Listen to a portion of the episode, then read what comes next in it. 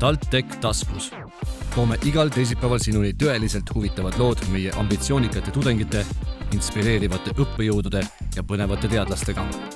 uurime, mis elu elatakse ka meie kolledžites Saaremaal, Tartus ja Kohtla-Järvel. kuula meid ja saad teada, kuidas me päriselt maailma muudame tänane TalTech taskus külaline on ettevõtte Raw Edge kaasasutaja ning Keemia ja Biotehnoloogia Instituudi vanemlektor. Tere tulemast, Kristel Vene! tere, tere mul on väga hea meel sinuga kohe hakata rääkima ühest väga aktuaalsest teemast, sest et äsja on sinu ettevõte jõudnud ajujahi esikolmikusse, palju õnne! aitäh, see on tõesti saavutus, ütlen ausalt ja, ja me kindlasti hoiame sulle kõik kõvasti pöialt ja, ja kohe me räägime lähemalt kõigest sellest, aga alustuseks räägi üldse, kuidas sina oled TalTechi jõudnud?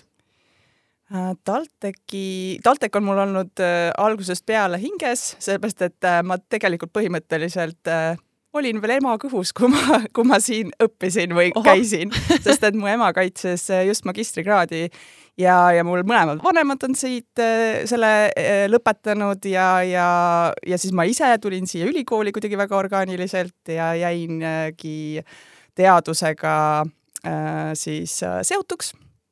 Ja, ja ühel hetkel mõtlesin, et võib ka õpetada ja nii ma siin olen jäänud õpetama ja natuke teadust ka tegema mm. -hmm Äh, aga räägi veel natukene, kui sa nüüd tagasi mõtled enda, enda siis võib-olla niisugusele koolipõlvele, et, et mis on kõige sellised eredamad mälestused, mis sul võib-olla meelde tulevad, et kui sa mõtled, et kui sa algul siia jõudsid, äh, kas oli, oli selline hirm naha vahel ka või läks kohe kõik niisuguse hästi ladusalt?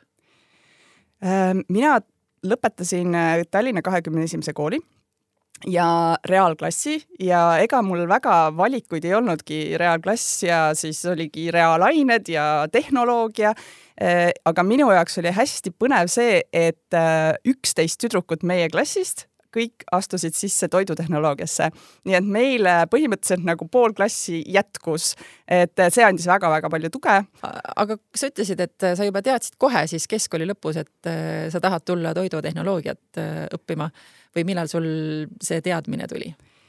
Toidutehnoloogia teadmine tuli mul isa soovitusel, sest tema töötas toidutehnoloogia ettevõtte direktorina Aha. ja ütles, et äh, seal on kindel, et nälga ei jää äh, ja kuna tegelikult äh, ma küll lõpetasin äh, hõbemedaliga äh, gümnaasiumi, aga mu eksamid ei läinud väga hästi ja sissesaamine Tallinna Tehnikaülikooli eksamite tulemuste põhjal, siis ma tegelikult ei saanud sisse toidutehnoloogiasse mm..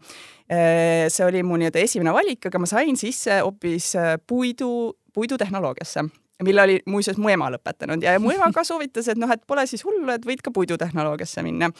Äh, aga siis põhimõtteliselt esimesel kuul mulle avanes võimalus, et ma sain astuda kohe praktiliselt sisse siis toidutehnoloogiasse, et nii palju inimesi siis langes ära mm. -hmm. nii et siis jõudsidki tegelikult oma tõelise kire juurde nii-öelda aga ütlen ausalt, et eks see kirg nagu kasvas äh, sisse, et ega ma ju ei teadnud, äh, kuhu ma sisse astusin nii täpselt ja alguses olidki keemiad, füüsikad, matemaatikad esimesed kolm aastat, aga kuna mulle need nagu sobisid, siis äh, ma hea meelega läbisin need ja need tulid suhteliselt kergelt ja siis ühel hetkel, kas bakalaureusest tuli vist esimene aine, mis oli toiduga seotud ja see oli põnev ja noh, magistratuur oli juba täitsa nagu juba toidu, toiduvaldkonna mm. -hmm. et ja täna tegeled sa toidu aroomiteadusega, vastab see tõele? jah, kuidagi sattus niimoodi, et ega üks, igaüks peab mingi suuna, uurimissuuna valima, et ega toit on ju ka väga-väga lai ja mul lihtsalt juhuslikult sattus äh, siis, kui ma magistritööd, tööteemat otsisin, äh, samal ajal äh, loodi toidufermentatsiooni tehnoloogia arenduskeskus ja pakuti võimalust siis teha magistritöö seal anti üks selline väga keeruline aparaat äh, nagu gaaskhromatograaf massspektromeeter ja öeldi, et vaata, mis sellega teha annab toiduga seoses. ja siis ma uurisin ja mõtlesin, et mis sellega teha saab ja üks asi, mis sellega teha sai, oligi siis uurida toidu lõhna, sellepärast et toidu lõhn on lenduv, gaasiline noh, gaaskhromatograaf ütleb ka ise, et järelikult mingeid gaasilisi asju sa pead seal uurima, onju. või lenduvaid asju ja, ja siis sealt niimoodi vaikselt läks magistritöö ja sealt edasi siis äh, doktoritöö ja, ja ma olen nagu selle valdkonna peale jäänud, jah mm. -hmm. ja sa oledki öelnud, et, et see on sinu jaoks eh, nii põnev, et kuidas inimesed lõhna või siis õigemini täpsemalt toidu lõhna erinevalt tajuvad. on sul mm -hmm. mingeid eh, häid lihtsaid näiteid tuua sellest äh,? jaa, inimesed tajuvad toidu lõhna väga erinevalt, see on seotud siis meie geneetikaga ja sellega, et meie haistmismeel on natukene taandarenenud ja kõigil kõik geenid kõigidele retseptoritele ei ole avaldunud, ehk siis ei ole aktiivsed. Ja meil on alati nagu mingite molekulide suhtes anosmia. Ehk siis me mingeid molekule ei tunne, noh, üks näide võib-olla kõige markantsem, millega kõik saavad nagu äh, ennast seostada, on siis või suhestuda, on äh, näiteks äh, nii, koriander jah korianderi lõhn on ju, et osade jaoks on see väga seebine, ebameeldiv ja teised seda ei tunne. või siis näiteks peet, peedilõhn on ju, me, osad tunnevad seda väga tugevalt mullase, mullasena, teised jälle seda geosmiini, mis seal siis seda mullast lõhna annavad, väga intensiivselt ei tunne. näiteks mina olen see number kaks, aga koriandri puhul ma tunnen jälle seda seebist lõhna, nii et noh, need on niisugused mm -hmm. võib-olla lihtsamad näited. ja kas see lõhn siis ka mõjutab seda, et kuidas inimene siis seda toiduainet vastavalt tarbib, et kas tal tekib kohe siis sellest vastav nii-öelda äh, eeldus, et kui mulle see lõhn meeldib, siis mulle, siis mulle ka see toiduaine meeldib ja, ja vastupidi?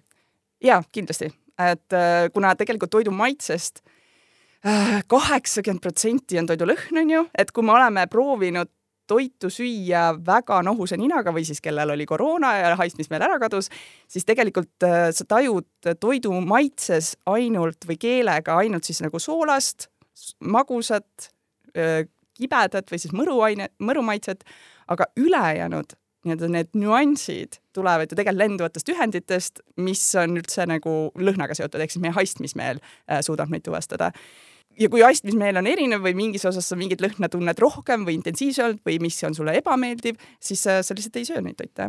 nii et siis lastele hea viis eh, nii-öelda brokkolit sisse sööta on see, et brokolit sisse sööta on see, et tekita sinna mingi šokolaadilõhn juurde äh, põhimõtteliselt on küll, aga ma just praegu valmistan ette ühte ettekannet tasakaalustatud toitumise konverentsile, kus kus ma nagu kriitiliselt äh, suhtun sellesse, et me nagu petame mm. oma maitse ja haistmismeelt. et tegelikult äh, sealt tuleb väga hästi välja see, et, äh, et, et su keha ütleb, mis aineid sul on kehal vaja ja haistmis- ja maitsmismeel on tegelikult meie genoomist üks kõige nagu su suurem süsteem või vastutab nii-öelda maitsemeele eest genoomi osas, ükski teine süsteem ei ole saanud nii-öelda meie genoomist nii suurt osa. Äh, järelikult äh, me peaksime tegelikult suutma usaldada oma maitsme, haistmismeelt. hea näide on näiteks see, et kui me võtame äh, loomad, kes, kellel ei ole maitsemeel nii-öelda rikutud, on ju, või näiteks lehmad, kui ta on tiine, siis, ja tal on kõrgenenud valguvajadus, ta jalutab üle äh, selle põllu ja ta suudab leida üles sealt just valgurikkad äh, äh, need ähm, heina, heinad või siis näiteks alfa-alfa või noh, või midagi, kus on -hmm. rohkem valku äh, ja ta tarbib nendel hetkedel, kui tal on suurenenud valguvajadus, just neid ühendeid ja neid taimi mm. -hmm aga samas tal ei ole ju mingit koolitust, ta ei tea isegi nende taimede nime, ta ei saa, ole saanud mingit toitumisalast teavet, et ta, ta usaldab ainult oma maitsemeelt. Ja eks me oleme ise ka äh, kogenud äh,, eriti naised on ju, kui nad on nii-öelda äh, lapseootel, et siis tekivad isud mingitele kindlatele ühenditele või kindlatele toitudele, et äh, meie keha ütleb meile, mida meil on vaja. Ja noh, et kui me hakkame siin seda petma Äh, ja, ja, ja mängima selle petmisega, et ma ei tea, et kuhu see nagu jõuab, et see on veits ohtlik, ma arvan mm. -hmm. ja see on väga hea mõte, mina kahe lapse emana oskan selle, selle viimasega väga hästi samastada, et tõepoolest need maitsemeeled siis äh, kerkivad eriti esile. aga ma olen lugenud ka, et äh, sa oled rääkinud ühest sellisest väga huvitavast seadmest ja tahaksingi uurida, et kas see on tänaseks juba sinu postkasti laekunud nagu O-phone või lõhnamobiil, kuidas seda täpsemalt nimetada ja, ja mis see endast täpsemalt kujutab? mm. -hmm, see oli minu üks esimesi crowdfunding'u investeeringuid äh,.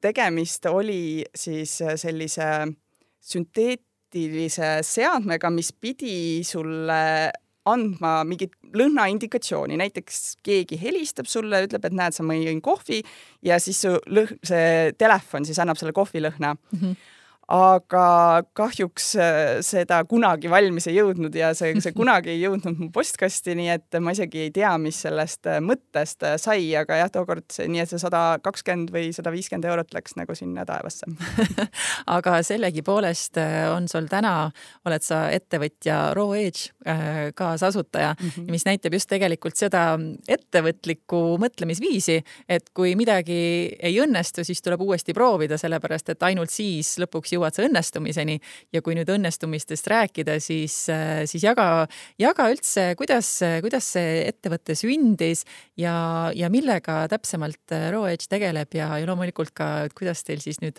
ajujahis on õnnestunud esivõlmikusse jõuda? tegelikult Raw Edge sündis minust olenemata äh, ta oli juba enne olemas, sellepärast et see mõte tekkis hoopis minu nii-öelda praegusel partneril, kes siis on fitnessi äh, maailmas äh, tegev ja tahtis saada sellist alternatiivset tervislikku jooki sellistele nulltoodetele, nagu öeldakse, kus on siis suhkur asendatud sünteetiliste magusainetega ja tihti ka lisatakse veel kofeiini mis on teoreetik, on ju, mis tegelikult tõmbab nagu äh, sind nagu veest tühjast, et tundub, et ta nagu kiirendab ainevahetusprotsessi mm -hmm. ja, ja siis äh, alandab kaalu, aga noh, tegelikult ta nii-öelda võtab rakkudest vett välja, on ju, teda mm. nimetataksegi nagu diureetikuks, on ju. ja tahaks mingit sellist ter tervislikku alternatiivi ja mina olin siis TalTechi äh, esindaja, kes hakkas talle seda asja välja arendama mm. -hmm ja, ja kasutasin seal ka tudengite abi ja pakkusin neile võimalust siis teha oma projektitööd sellel teemal, kuna ma õpetan toidutootearendust ja, ja sealt hakkas see vaikselt nagu arenema ja me jõudsime mingi esimese prototüübini. aga seal see nagu projekt nagu TalTechi jaoks nagu lõpus, lõppes e, ja, ja, ja tellija jaoks ka, aga siis tellija jäi hätta, et aga, aga nüüd on jah, mul on see prototüüp olemas siin laboris, aga mis ma nüüd selle, kuidas, kuidas ma nüüd sellega edasi, jah, kuidas ma lähen, et, et tal puudusid nagu igasugused teadmised toidutehnoloogiast, igasugused teadmised toiduohutusest et äh, ta tundis, et ta vajab veel edasi abi ja ta pakkus, äh, et kas ma ei oleks nõus aitama mm. -hmm.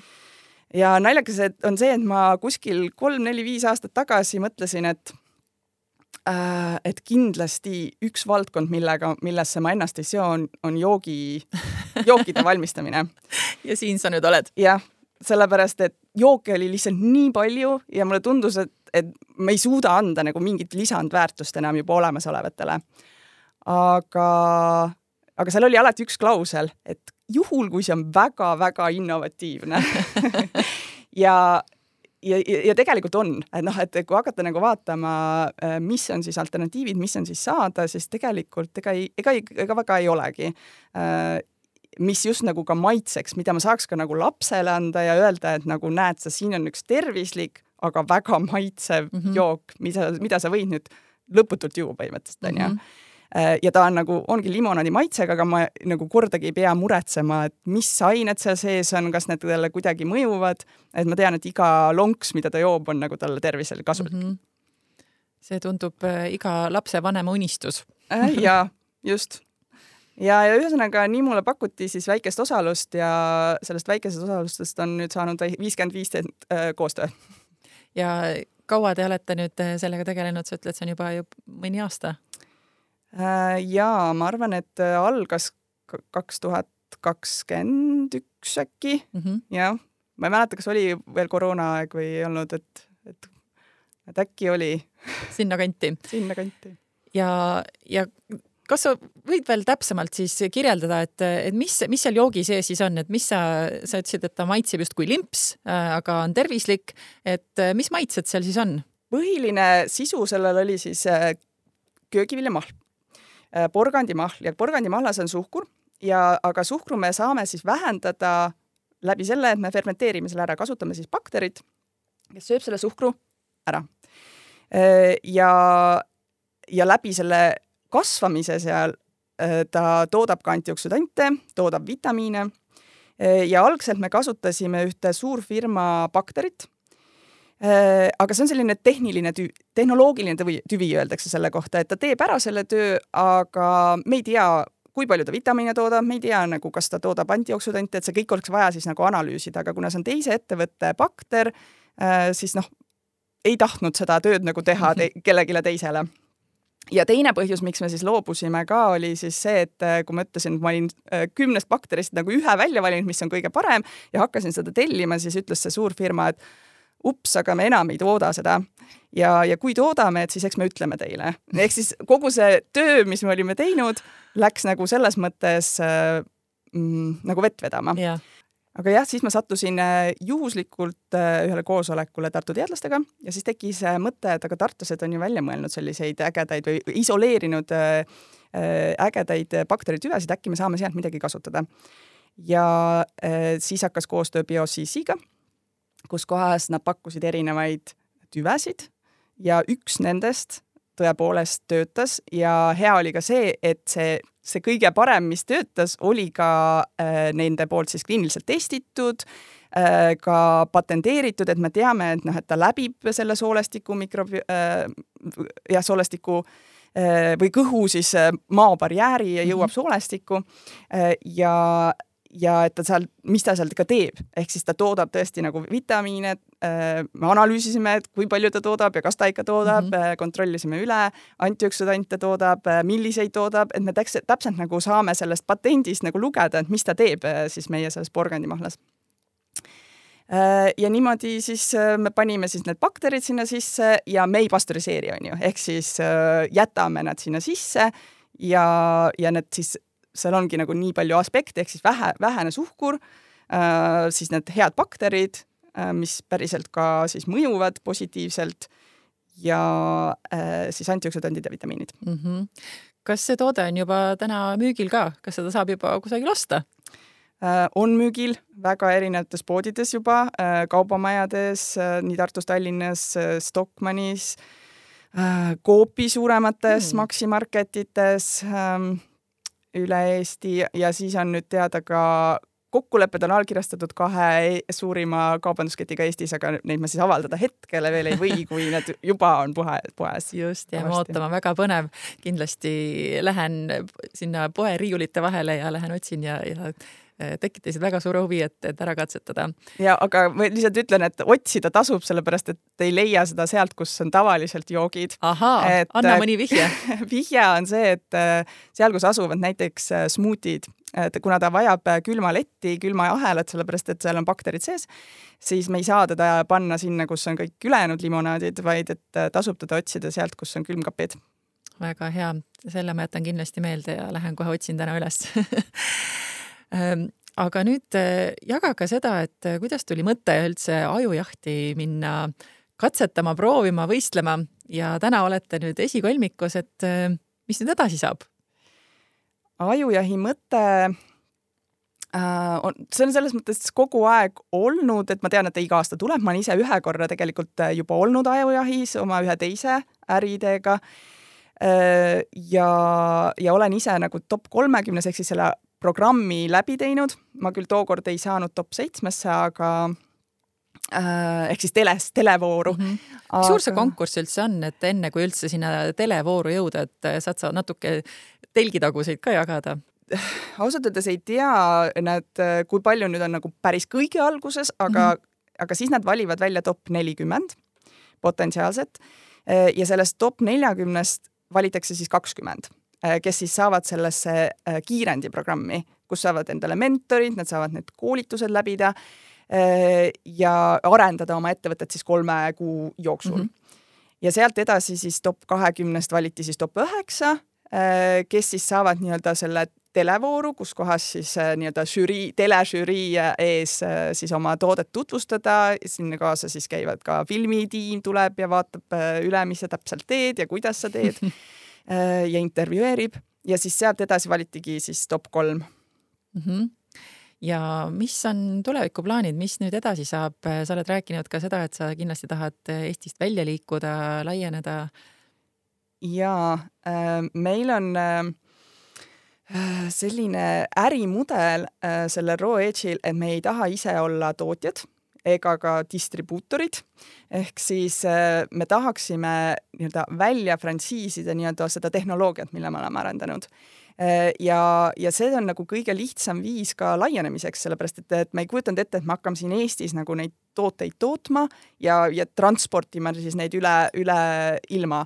et mulle alati meeldib äh, üks näide selle kohta, kus, kuna mu vanemad töötasid logistikaettevõttes ja, ja nad rääkisid ühest sellisest avariist kahe rekka vahel, mis siis oli siis ühelt poolt oli San Pellegrino veed, mis tulid Itaaliast ja liikusid Põhjamaadesse ja teiselt poolt tuli Eviani, Eviani vesi, mis liikus Itaaliasse ja need siis tegid omavahel veeavarii.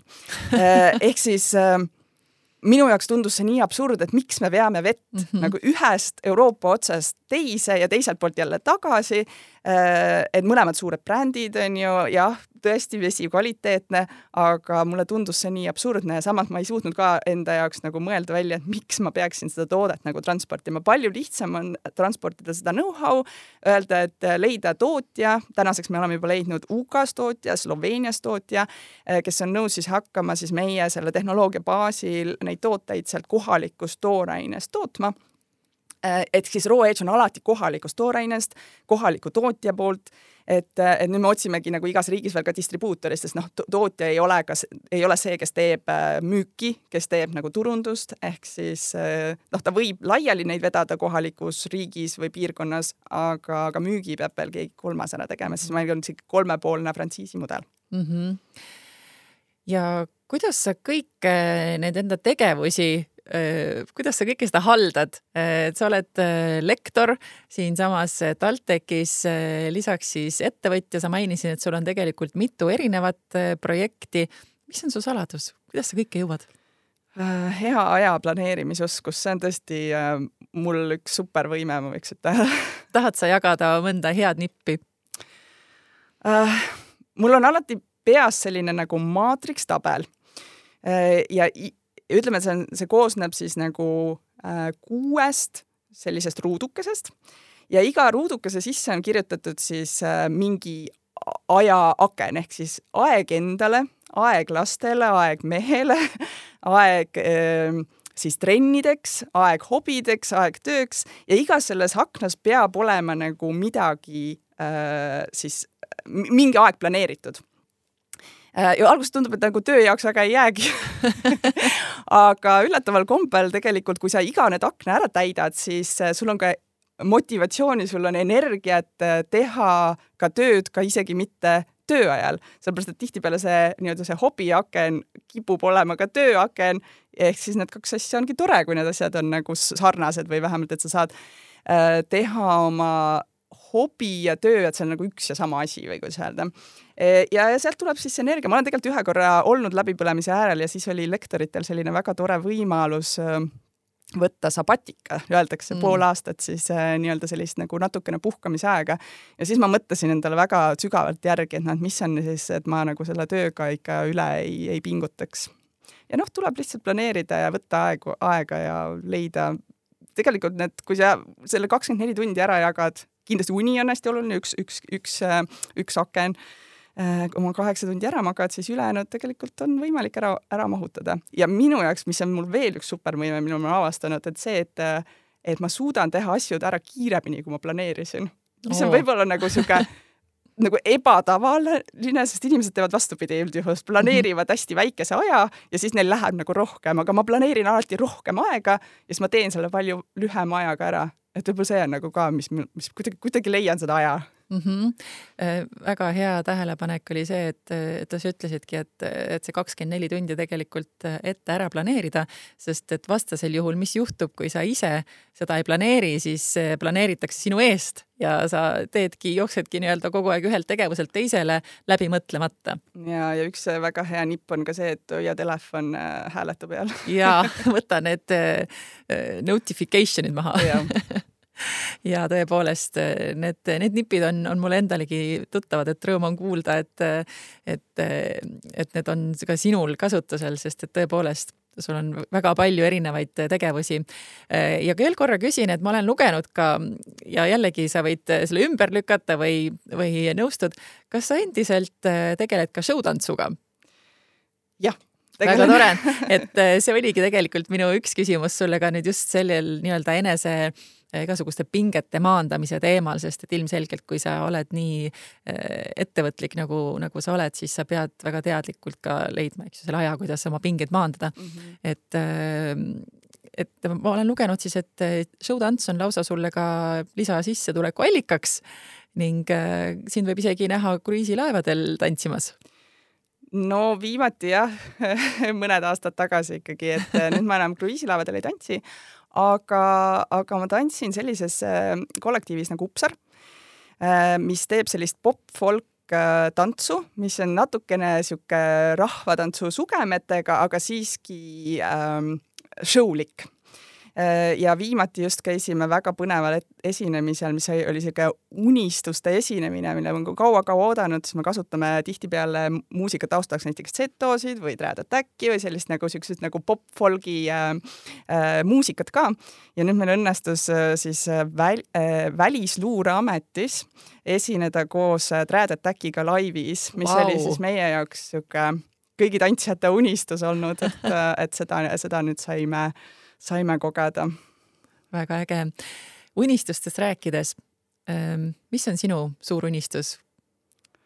ma jään hätta siin oma suure unistusega, tõenäoliselt äh, ma olen vist äh, liiga praktiline selleks, et äh, et suuri, suurelt unistada, aga loomulikult, kui ma mõtlen nagu, nagu detailselt, siis äh, üks minu suur unistus on see, et sellest raw edge'ist kasvaks välja üks ülemaailmne bränd äh,. midagi sellist, nagu on, ütleme, no näiteks Oatly või, või, või Red Bull olnud või isegi Coca-Cola, miks mitte äh,. et, et kui sellest kasvaks välja üks bränd, siis see on, see võiks olla küll nagu asi, mis äh, millele ma saaksin öelda, et väga hästi on tehtud no see kõlab küll väga suure ja vägeva unistusena. nii et oskad unistada küll jah.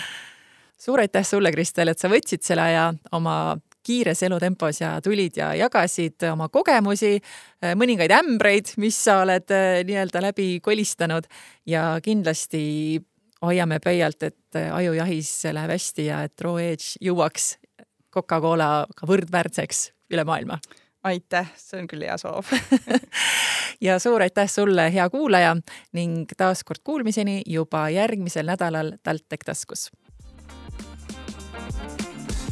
TalTech taskus, tõsiselt huvitav. igal teisipäeval Spotify's ja SoundCloudis